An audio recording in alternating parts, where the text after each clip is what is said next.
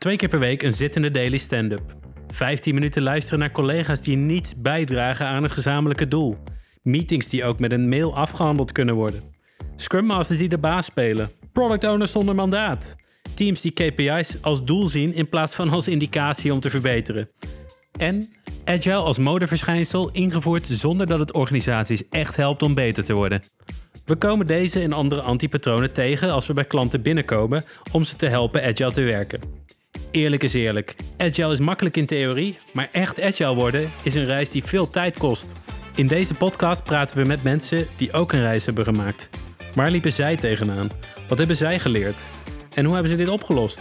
We geven je bagage om jouw agile reis makkelijker te maken. Welkom bij de Strict Agility Podcast. Mijn naam is Giel. En mijn naam is Rob.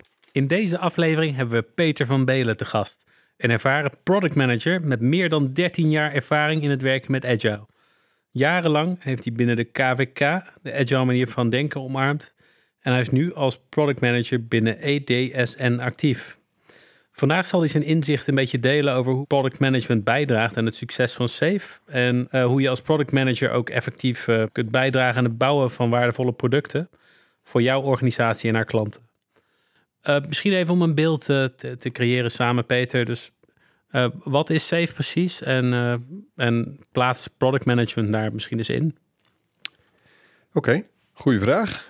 dat is best een brede vraag waar je veel over kunt zeggen. Nee, ik Safe is, uh, is voor mij een, een framework. Dus eigenlijk een, een set van afspraken, spelregeltjes, waarbinnen je goed kunt werken. Uh, ik ben ook van mening dat als je geen spelregels hebt, dat het ook heel lastig wordt om goed samen te werken.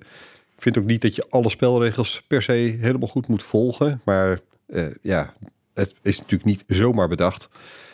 Um, en product manager staat wat mij betreft wel redelijk in het hart van, van Safe. Uh, Safe is natuurlijk ook een gelaagd model. Je hoeft niet alle lagen te gebruiken in iedere situatie. Maar de laag waar de product manager in staat, staat er wel altijd in. En staat er in het hart in, omdat een concept als eigenaarschap centraal staat volgens mij in iedere set van afspraken. En een product manager is nou eenmaal de eigenaar van het product. Dat is ook wat zijn, uh, wat zijn rol is, wat, wat in de naam zit. en daarmee zit je zowel richting business owners eh, goed in het spel. Eh, dus om de kaders te krijgen waarbinnen je je product kunt ontwikkelen. Als naar de teams die het uiteindelijk doen. Dus met de product owners. En de kunst is om vrijheid te hebben en vrijheid te geven aan de mensen die het doen. En volgens mij is dat de essentie van de product manager. Om de kaders te snappen, kaders te geven en vrijheid te laten. En hoe ontwikkel je dan uh, bijvoorbeeld een, visie en strategie voor, voor zo'n product? Ja, voor, uh, ja, we kunnen ook nog wel hebben over wat een product is. Dat is ook nog wel een interessante. Omdat ik uit de wereld kom bij de Kamer van Koophandel en EDSN, dat de producten eigenlijk diensten zijn. En niet zozeer tastbare producten. Dus ik denk dat dat echt wel wezenlijk ook anders is. Dus uh, de wereld van diensten ken ik wel heel goed. En ja, wat definieert dan een product? ja, dat is wat een dienst is een, is een product waar je iets levert en het is een iets levert aan een klantengroep, een doelgroep, die wat continu in beweging is. Dus even anders dan bijvoorbeeld een, een, blikje cola. Ja, dat blijft altijd een blikje cola. Maar een dienst waarbij je zegt van je kunt bij ons advies krijgen over, bij ondernemers bijvoorbeeld, over uh, hoe je beter om kunt gaan in de coronatijd. Ja, die, dat product verandert continu. Dus je zult het product ook continu moeten gaan herijken. Veel meer dan een tastbaar product. En dat is de vrijheid en de flexibiliteit waar het interessant wordt als productmanager om daar continu mee bezig te zijn. Continu bezig om hoe maak ik hem scherper, hoe maak ik hem beter. En om voor de, voor de luisteraars dan even eh, mm-hmm. te maken, uh, EDSN, uh, zou je iets kunnen vertellen over wat het, wat het is en wat het maakt? Want dat zal voor heel veel mensen onbekend zijn, want uh, het is niet een merk wat je in de winkel kan kopen. Nee, inderdaad. En uiteraard ook binnen EDSN. sorry. Binnen EDSN ken je natuurlijk verschillende, uh, ook nog verschillende producten en diensten. De kern van EDSN, voor degenen die het niet kennen, eigenlijk is EDSN de energiehub, de datahub van de energiewereld in Nederland. Dus alle data, en dan moet je echt simpel denken aan de, de slimme meter die in je meterkast zit, die, ver, die produceert data over je verbruik. Over, en dat al die data die gaat naar EDSN toe.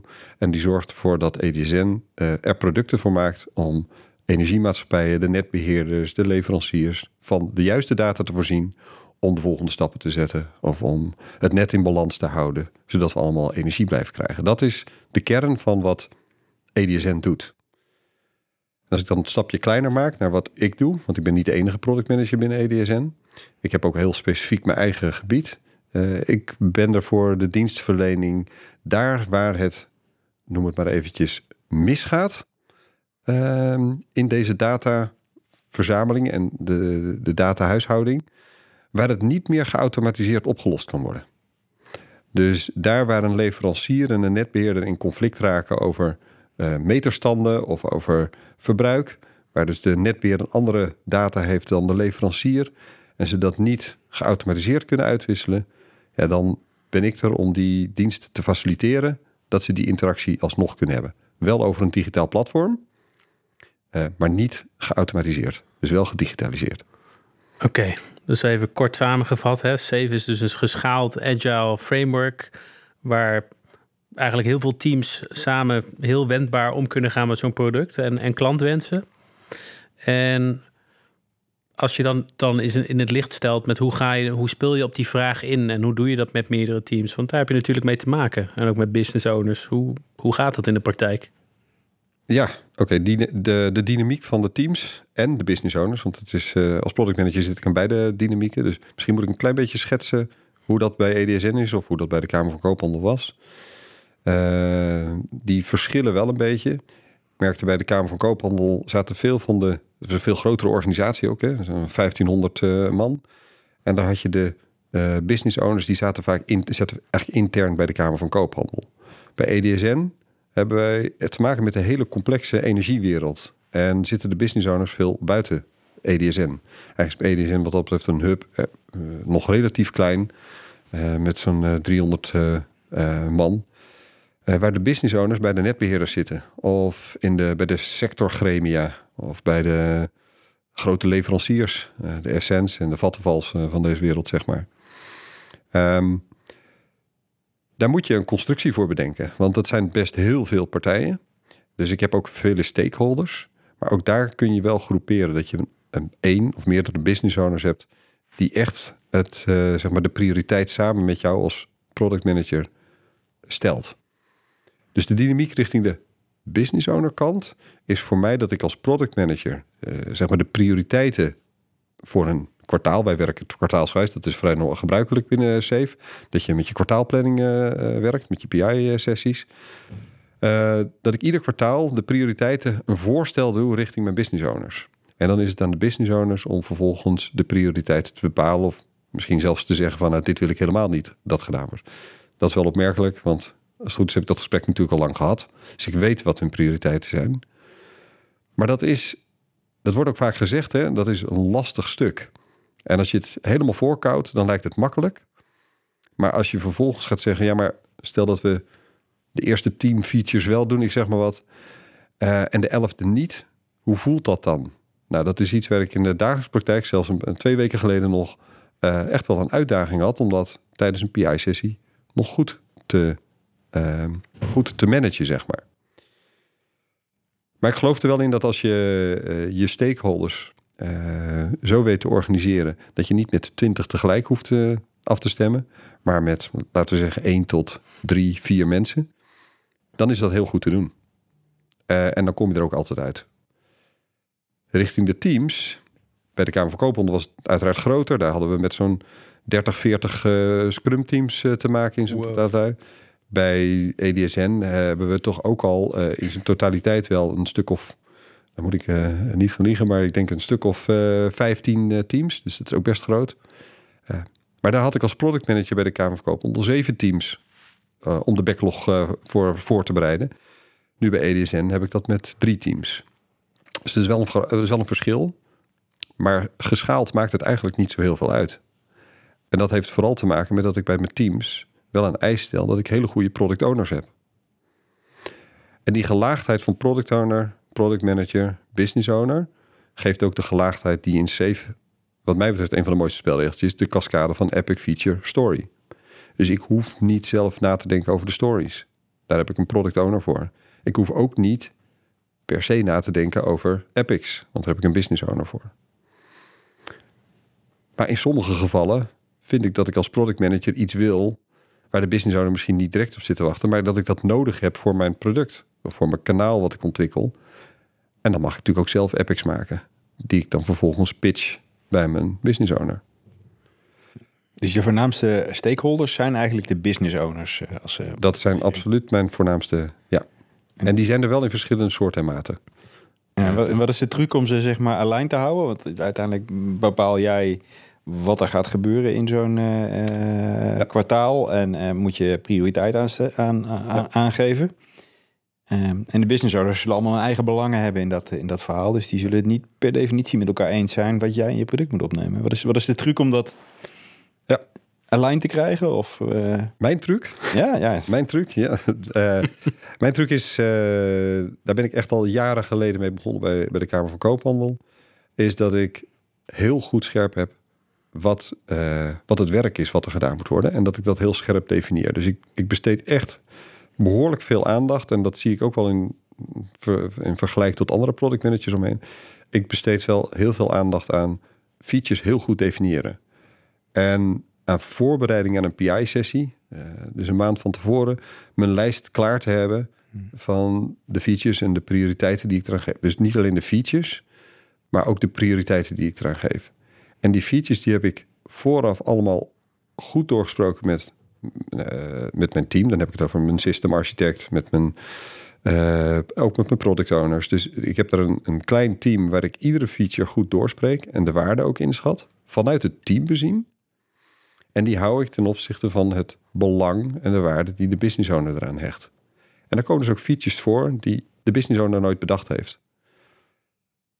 Vervolgens leg ik dat voor aan mijn business owner, ook ruim van tevoren.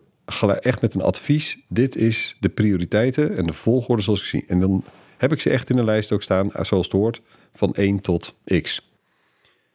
Met de opdracht erbij, het zou wel eens kunnen zijn dat ik tot hier kom. Of dat het niet ik, dat de teams tot hier gaan plannen. En wat doet dat dan met jou als business owner? Dat is de truc die ik wil doen. En die lukt niet altijd. Want zoals ik net zei, twee weken geleden had ik zo'n situatie dat ik dacht van, maar we komen wel tot, eh, tot feature 15. En toen kwamen we maar tot feature 13. En toen bleek nummer 14 eigenlijk een veel hogere prioriteit te moeten hebben. En daar kwam ik toen pas achter. Dus ik heb er wel van geleerd en dat ga ik de volgende keer absoluut beter doen. Dan zet ik mijn business owners, mijn verschillende business owners, eentje vanuit de energiesector, die voor mij de belangrijkste is. Ik heb één hele belangrijke business owner. Eh, maar ook vanuit mijn eigen organisatie, die natuurlijk belang bij heeft dat een kanaal wat ik onderhoud, in dit geval Partners in Energie, als website, als kanaal, dat dat ook een toekomst krijgt die past bij EDSN. Dus ik heb ook interne stakeholders die zeggen, ja maar automa- geautomatiseerd testen is belangrijk. Of een contingency plan is belangrijk. En dan ga ik de volgende keer eh, mijn verschillende business owners, dat zullen er een stuk of vier zijn, bij elkaar in de ruimte zetten en met hen die exercitie gaan doen. 1 tot en met eh, 20. Oké, ik denk dat ik tot 15 kom, maar wat nou als we maar tot 10 komen? Hoe voelt dat dan? En je zet ze ook echt bij elkaar. En dan zit ik- bij elkaar in de ruimte, niet losspreken. Gewoon de lijst bespreek je met je belangrijkste stakeholders Ja, ik heb tot nu toe te veel nog los gedaan. En soms eh, heb ik er wel twee bij elkaar gekregen. Maar ik heb nu dus gemerkt dat dat... eh, nogmaals, bij de Kamer van Koophandel lukte dat vaker wel... om ze wat eh, iets vaker bij elkaar te krijgen. Maar dat dat dus cruciaal is. Dat ik ze beide in, in één ruimte zit. Want sommige eh, epics en features zijn echt niet met elkaar te vergelijken. Dan kan ik ook niet op waarde een rekensom gaan maken... welke eerder zou moeten dan de ander. Ehm, dat is een ander aspect trouwens, eh, waarde, om dat eh, zeg maar neer te zetten. Want ik denk dat je wel heel ver komt. En dat helpt mij ook om die prioritering van 1 tot en met 20 eh, te maken.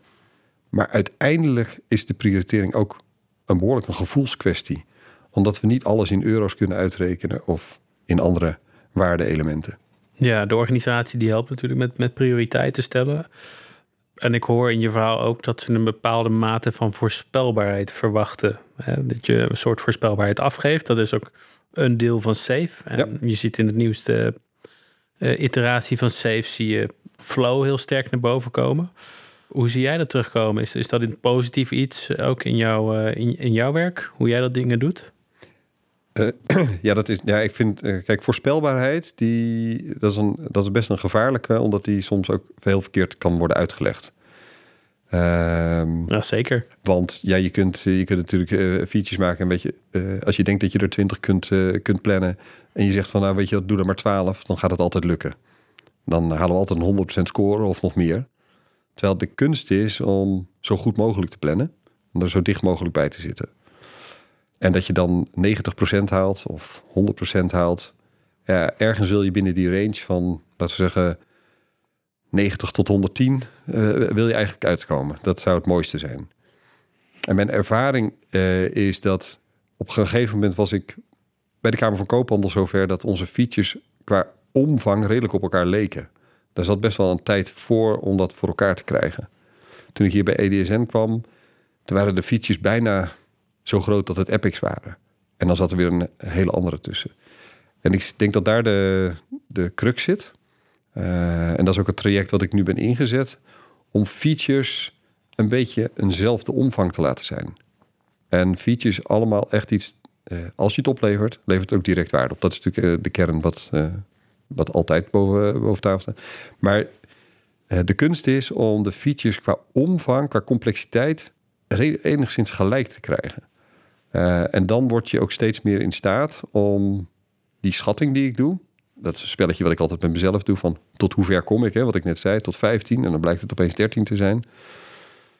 Omdat, uh, om die schatting, om die inschatting met, het, met de informatie die ik uit het team heb, zo goed mogelijk te doen. En dat is voor mij voorspelbaarheid. Hm. Als ik dat doe en het lukt, er kan altijd iets tegen zitten. En er kan altijd iets uh, wat je niet voorzien hebt, waardoor een stuk werk gewoon echt niet lukt. Terwijl je er toch veel effort in steekt. Dus je hebt ook niet eens iets kunnen vervangen. Okay. Maar dat is goed uitlegbaar. En dat is dan ook niet erg. Ja, klinkt allemaal best ingewikkeld wat je allemaal, allemaal, allemaal uh, vertelt. Uh, voor mij in ieder geval. Ik ben geen product owner. Um, wat maakt het werk van zo'n product owner in, uh, of een product manager in zo'n zo'n safe omgeving eigenlijk leuk? Als je het zou moeten verkopen aan een ander. die zegt, joh, moet ik op jouw baan die solliciteren? Wat, wat, wat maakt het nou echt super interessant voor jou om dit te doen? ja, voor mij is de, de, de dynamiek. Ik ben, ik ben een bouwer, uh, dus ik wil graag iets bouwen. In dit geval bij EDSN uh, vind ik het kanaal en de diensten die we op dat kanaal aanbieden, Partners in Energie, dat vind ik een grote uitdaging. Omdat het sectorplatform voor, voor, energie, voor de energiewereld te laten zijn. dus ik ben een bouwer. Maar ik vind de dynamiek, juist wat ik net uitlegde over mm. business owners en teams, die de dynamiek om uh, toch de visie te hebben van waar wil ik heen, dat te verkopen uh, en daar dan vervolgens brokjes uit te, te, te, halen die een team kan gaan bouwen en het dan te zien ontwikkelen, ja, dan zit ik voor, voor mijn gevoel echt in de, echt in het, de speel van alles uh, om, het, om iets moois te realiseren. Ja. Die, die brokjes, dat zijn natuurlijk eigenlijk de cadeautjes voor de klant. Hè? Je zegt ja. op een gelijke grootte houden, dat noemen we ook wel slicing. Maar als we nou toch eens kijken naar, naar de klantkant en, en het stukje waarde. Mhm. Ja, hoe vertaal, hoe vertaal je die rol en die kant? Um, de, de, de klantkant, hè, de, dat zal trouwens voor iedere situatie wel anders zijn. Want uh, voor mij zijn de, zijn de klanten zijn, uh, de marktpartijen. Dus de marktpartijen in de, in de energiesector nu. De eindklant, dat zijn de particulieren die stroom afnemen of die gas afnemen. Ik praat zelf nu niet direct met die eindafnemer. Maar uiteindelijk doen we het daar wel allemaal voor. Dus voor mij zit dat wel in mijn hoofd dat ik het voor die eindafnemer... maar ik praat nooit met ze. Dus ik praat richting die klant door de marktpartij. Dus door, de leveranciers, de Essence, de, de, de Engies... die wel met de klant praten. Of de netbeheerders die ook met de klant praten. Dus hoe krijg ik dan dat klantgevoel... want dat is wel waar je het voor doet... Uh, hoe krijg ik dat zeg maar vertaald in de producten die ik doe? Nou, het is enerzijds door met mijn stakeholders en eh, klankbordgroepen te hebben met deze partijen. Maar anderzijds door ook bij die klanten te vragen van, maar welke waarde levert het jullie dan op als wij dit opleveren? Dus de, zeg maar even de, de gevolgtrekking van de waarde die ik uh, creëer als ik een dienst oplever. Dus als ik een dienst oplever die dat marktpartijen met elkaar, dus de ene leverancier met de andere leverancier in uh, op een gestructureerde en efficiënte manier kan, uh, problemen kan oplossen die ze bij hun klanten hebben. En het dan dus sneller gaat. Dus dat de klant dan sneller geholpen is. Die eindklant. Uh, daar zit dan mijn waarde in. En die waarde probeer ik te vertalen in de diensten die ik dan lever. En dat is best een lastig stuk. Hoe je die indirecte waarde levert. Ja, volgens mij is dit wat wij onder andere in ons boek Enterprise Agility noemen. Uh, je hebt de output van de teams. Je hebt de outcome van wat we realiseren als product manager, product owner. En je hebt de impact aan business kant. En wat jij zegt is, het gaat maar om die impact aan business kant. Dat we echt het verschil maken voor, uh, voor de eindgebruiker. Uh, en dan is de energiemarkt natuurlijk wel een hele interessante en spannende markt die in beweging is, waar de komende jaren extreem veel staat te gebeuren. Ja ik als particulier zou energieleverancier kunnen zijn en uh, met mijn zonnepanelen ook ja, mijn meter uh, data kunnen leveren die ergens verrekend moet worden in het net. Dus dat is wel een, een interessante markt op zijn minst waar je in zit. Die ook nog eens een keer heel erg in beweging is, inderdaad. We weten nog niet precies waar het heen gaat. Maar balans in de markt zoeken en houden is natuurlijk de, de essentie van waar we met z'n allen mee bezig zijn. En daar komen dan natuurlijk alle uitdagingen die de eindklant hebben met uh, de hoge rekening die we, die we hebben de, gehad de laatste tijd natuurlijk. Uh, dat zijn dan extra aandachtspunten uh, in die hele energiemarkt. Dus je hebt zoveel belangen en dat maakt het dus ook interessant, even als productmanager. Ja, ik hoor dat de markt dus, dus evolueert. Safe evolueert ook. En jij, jij evolueert natuurlijk ook, maar op, hoe doe je dat? Hoe verander jij mee met het, uh, de, manier van werken en ook uh, wat de wereld zeg maar, van je vraagt? Um, nou ja, dat is eh, voornamelijk door. Nou, misschien door, door, twee zaken. E, enerzijds, ik vind het heel prettig om met collega product managers te praten. maar dat zijn ook collega product owners en, en business owners. Gewoon door het spel te spelen. En continu scherp te zijn en kijken van kunnen we het een stukje beter doen. Dat helpt mij al enorm. Um, ik vind het heel belangrijk dat we agile coaches in uh, hebben rondlopen. Uh, het liefst ook agile coaches die... Enerzijds is het mooi om, te, ze zeg maar binnen je eigen organisatie te hebben, want dan heb je een vastigheid. Maar ik vind het ook mooi dat, dat we een mix hebben van, van buiten, die ook weer van buiten invloeden meenemen naar binnen. Dus uh, ik zou het een mooie mix vinden altijd als je zowel op agile coaches gebied als bijvoorbeeld op Scrum Master gebied uh, mensen ook van buiten van bureaus binnenhaalt. Omdat die heel veel kennis meenemen van hoe die ontwikkeling is gegaan. Dus ik ben wat minder van de symposia en uh, de verhalen horen vanuit een theoretisch kader. Uh, maar ik ben wel heel erg benieuwd naar de praktijkgerichte verhalen van collega product managers. Dus dat vind ik wel daar, daar, haal ik denk ik mijn kennis uit. Daar hebben we een podcast voor uh, opgestart, dus daar kun je dan regelmatig naar luisteren. Daar ga ik dan uh, regelmatig naar luisteren, ja. heb je eens een voorbeeld van iets wat iemand je recent heeft verteld... waar je dan echt wat aan hebt gehad? Als, als we het recent kijken, dan, dan moet ik dus... nou, ik heb... Wat, wat, wat, waar, ik, waar ik heel veel aan gehad heb, is... Ehm, we hebben bij EDSN ook een traject opgestart vanuit de Agile Coaches, zoals dat in eerste instantie gedaan, uh, om een OBEA op te zetten. Nou, dat is ook zo'n concept wat natuurlijk ook bij Safe wel heel interessant is. Dus dat hebben we best professioneel aangepakt. En uh, ook met een bureau die daarin gespecialiseerd is om OBEA's in te richten. Uh, niet zozeer technisch, maar wel van hoe de filosofie van de OBEA is en hoe je dat beter kan doen. En daar heb ik een, een, een stukje geleerd om, tenminste nog meer geleerd, om die dialoog in één ruimte te voeren. En dat wist ik natuurlijk al. Alleen uh, ja, door dan een ruimte echt te gaan invoeren of inrichten, kom je tot ideeën van, oh wacht even, dat, dat gebeurt dan binnen de hele organisatie. Bij de Kamer van Kolen hadden we ook een OBA voor iedereen. Maar waarom heb ik niet een OBA voor mij en mijn twee of mijn drie teams? Want je kunt dat ook, ook dat kun je schalen. En dus dat stukje OBA-schaling had ik dan weer, omdat we dat aan het doen waren, kon ik dat ook weer toepassen bij mezelf. Uh, en dus nu zijn we aan begonnen om te kijken of we iets van OBA-ruimte kunnen op, uh, inrichten voor, ja, voor het stuk waar ik dan verantwoordelijk voor ben. Ja, dat is er eentje. Ja, de, want de rest uh, zijn van echt kleine details die ik misschien van, van productmanagers leer. Ik werk samen met een productmanager die al 15 jaar bij EDSN werkt. En die, die kent het stakeholderveld heel goed. Dus daar leer ik dan van hoe een complex stakeholderveld in elkaar zit. Maar dat is wel lastig om als een voorbeeld, denk ik, ja. verder toe te lichten. En in, in, in, in de OB-ruimte die jullie aan het maken zijn voor jullie team, dat, dat, daar ga je ook je events houden en je, uh, je stand-ups en uh, stakeholders uitnodigen bijvoorbeeld. Dat, dat, dat in jouw geval de business owners zijn.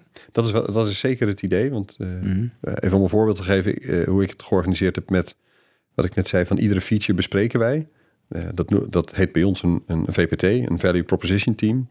nou, het bestaat uit de system architect en product owners. En ik heb daar nog een paar specialisten bij uitgenodigd, omdat communicatie bij ons belangrijk is. Ook een communicatiespecialist.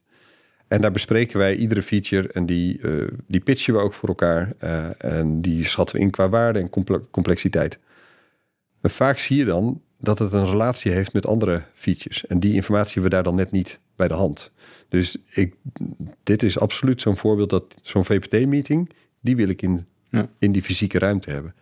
Moet wel kunnen natuurlijk, want je, je kantoor moet wel geschikt zijn om dan voor iedere groep van teams zo'n fysieke ruimte te hebben. Daar zit wel een, uh, daar zit nog een, uh, een uitdaging. Die heb ik nog niet. Um, maar ik denk wel dat dat uh, er gaat komen. Nu de OBEA een eigen ruimte heeft gekregen binnen EDSN. Dat is een grote ruimte voor het hele bedrijf. Um, ben ik nu bezig om te kijken van kunnen we dat niet ook voor ons eigen team gaan inrichten. Ja, super vet. En misschien een, een beetje afrondende vraag, maar misschien product owners met de product manager ambitie of mensen die het vak in willen stromen. Wat zou je mensen nou als tip mee willen geven nog? Product owners en product managers. Ja, Mens, mensen die het vak in willen rollen. Ja. Mensen die, uh, ja, we hebben het er net wel even over gehad natuurlijk. Wat is dus zo super tof aan jouw baan? Hm. Maar ook wat zou je ze als tip meegeven? Nou, wat super tof is en wat ik hoop dat, nou, degene die daarop aanslaan, dat, zijn dan waarschijnlijk gelijk ook de goede mensen die het zouden moeten, moeten willen is dat je als product manager en ook als product owner, want het is gewoon op een iets lager niveau, dat je je eigen droom kunt uh, gaan vormen. En dat je je, je, droom, als product, een, kanaal of, een, of wat dan ook, dat je als product owner en product manager echt degene bent die die droom kan beschrijven, kan vormen en dan vervolgens kan laten zien uitkomen. En ik denk dat dat, als je, als je dat gevoel hebt, dat je dat wil, ja, dan is dat toch de mooiste baan die er is. Uh, wie kan dat dan zeggen? Ja, iedereen kan een schakeltje zijn, maar als product owner en product manager heb je de kans om die visie te ontwikkelen en dan vervolgens ook nog te realiseren. Nou, het klinkt echt als een droombaan. En wat zou je ze dan als tip meegeven om dat te realiseren? Om daar te komen? Ja, daar ga ik eventjes vanuit dat, uh, dat ze wel een soort van uh, dat mensen wel een vooropleiding hebben of uh, al een traject hebben gehad in het bedrijfsleven of, of wat dan ook. Maar ja, de tip, de tip is denk ik, probeer hem zelf steeds... Nee, nee, de tip is, begin gewoon direct met je idee alvast op een A4'tje te tekenen. En ga dat gewoon vertellen. En doordat je dat vertelt en met mensen praat, gaat je idee steeds groter worden. De grootste valkuil is om in jezelf proberen het hele idee al uit te tekenen. Dat gaat je niet lukken. En het leuke is de interactie met mensen. Maar ja, schrijf gewoon twee dingen op waar je naartoe wil. Gewoon denk even groot en, uh, en ga dat vervolgens vertellen. Ik herinner me dat we elkaar ooit bij KVK ontmoetten toen ik daar uh, een tijdje rondliep. En dat jij met passie over je product vertelde en dat je daar ook de, de link maakte naar, naar Apple. Dat je zei van ja, ik wil mijn producten moeten zijn als de producten van Apple. Uh, en ze moeten precies doen wat ik verwacht. Maar eigenlijk wil ik er niet over nadenken. Het moet intuïtief zijn en het moet me, het moet me bedienen op zo'n goede manier dat ik eigenlijk niet eens weet dat ik dit wil hebben en ik het toch krijg. En dat gebruik je echt heel erg mooi als een metafoor in wat wil ik met mijn product. En gebruik je dat nog steeds als je met je stakeholders praat, zeg over je product praat als voorbeeld van waar je heen wil? Is dat nog, een voorbeeld wat je vaak gebruikt?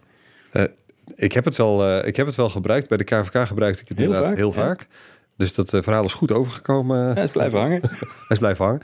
En ik vind dat nog steeds zo. Ik ben, ik ben mm. ook een Apple-fan. bij, vooral over de filosofie. Het interessante daarvan is dat uh, Steve Jobs werd natuurlijk wel eens uh, gezegd van ja, maar uh, je hebt het allemaal zelf. Het was, was, was, was wat dat betreft een beetje een vakidioot, zou je kunnen zeggen. Hij had een beeld bij hoe de wereld eruit zou moeten zien. En hij zei ook van, ik heb al bedacht hoe het product moet zijn voordat de klant het zelf heeft bedacht. Dat gaat best wel ver, maar dat, ik vind die essentie wel interessant. Alleen het, je moet hem wel continu gaan testen. Ja. Dus, uh, maar er is niks mis mee om ook een beetje voor de klant te denken. Ik, ik hoor heel vaak van, ja, maar we kunnen pas achterhalen wat de klant wil als we het continu de klant vragen. Ik geloof meer in dat je, als je jezelf een beetje vereenzelvigt met je product of je dienst, dan heb je best wel een goed beeld over wat die klant eigenlijk wil, maar zelf nog niet kan uitspreken. Nou, en ja, Apple heeft dat gewoon tot in de puntjes uitgevoerd. Uh, overigens in ieder geval wel in de tijd van Steve Jobs. Ja. Daarna is het wel ietsje minder geworden, maar het is nog steeds de bedoeling dat je een product maakt waar je niet meer over hoeft na te denken, wat eigenlijk zo intuïtief is en zo goed is, dat je er geen handleiding bij nodig hebt. Ja. Ah, het verhaal is blijven hangen het de tijd van de KVK. Dat is, dat is uh, in ieder geval de krachtige manier waarop jij je verhalen vertelt en je, je passie over je product, zeg maar, uh, naar anderen vertelt, uh, is, is, is fantastisch. hoeveel jaar geleden heb je me dit verteld? En het is, het is gewoon blijven hangen. Dus superleuk. sowieso willen we je hartstikke bedanken dat je, dat je er was vandaag. heel fijn dat je je ervaring hebt willen delen. Ja, zeker weten. We hebben veel geleerd ook over de rol van product management binnen Safe, praktische toepassingen. Uh, meer over waarde en uh, ook een beetje echt verhaal over uh, de product manager en, en, het dromen, een stukje dromen erbij. Ja, we, voor de luisteraar, we hopen dat je deze aflevering leuk vond. Weer wat hebt opgestoken en dat je misschien je eigen werk als product manager of aankomend product manager in een geschaalde agile omgeving ja, op kan starten of wel kan, kan boosten. Bedankt voor het luisteren naar de Agility Podcast.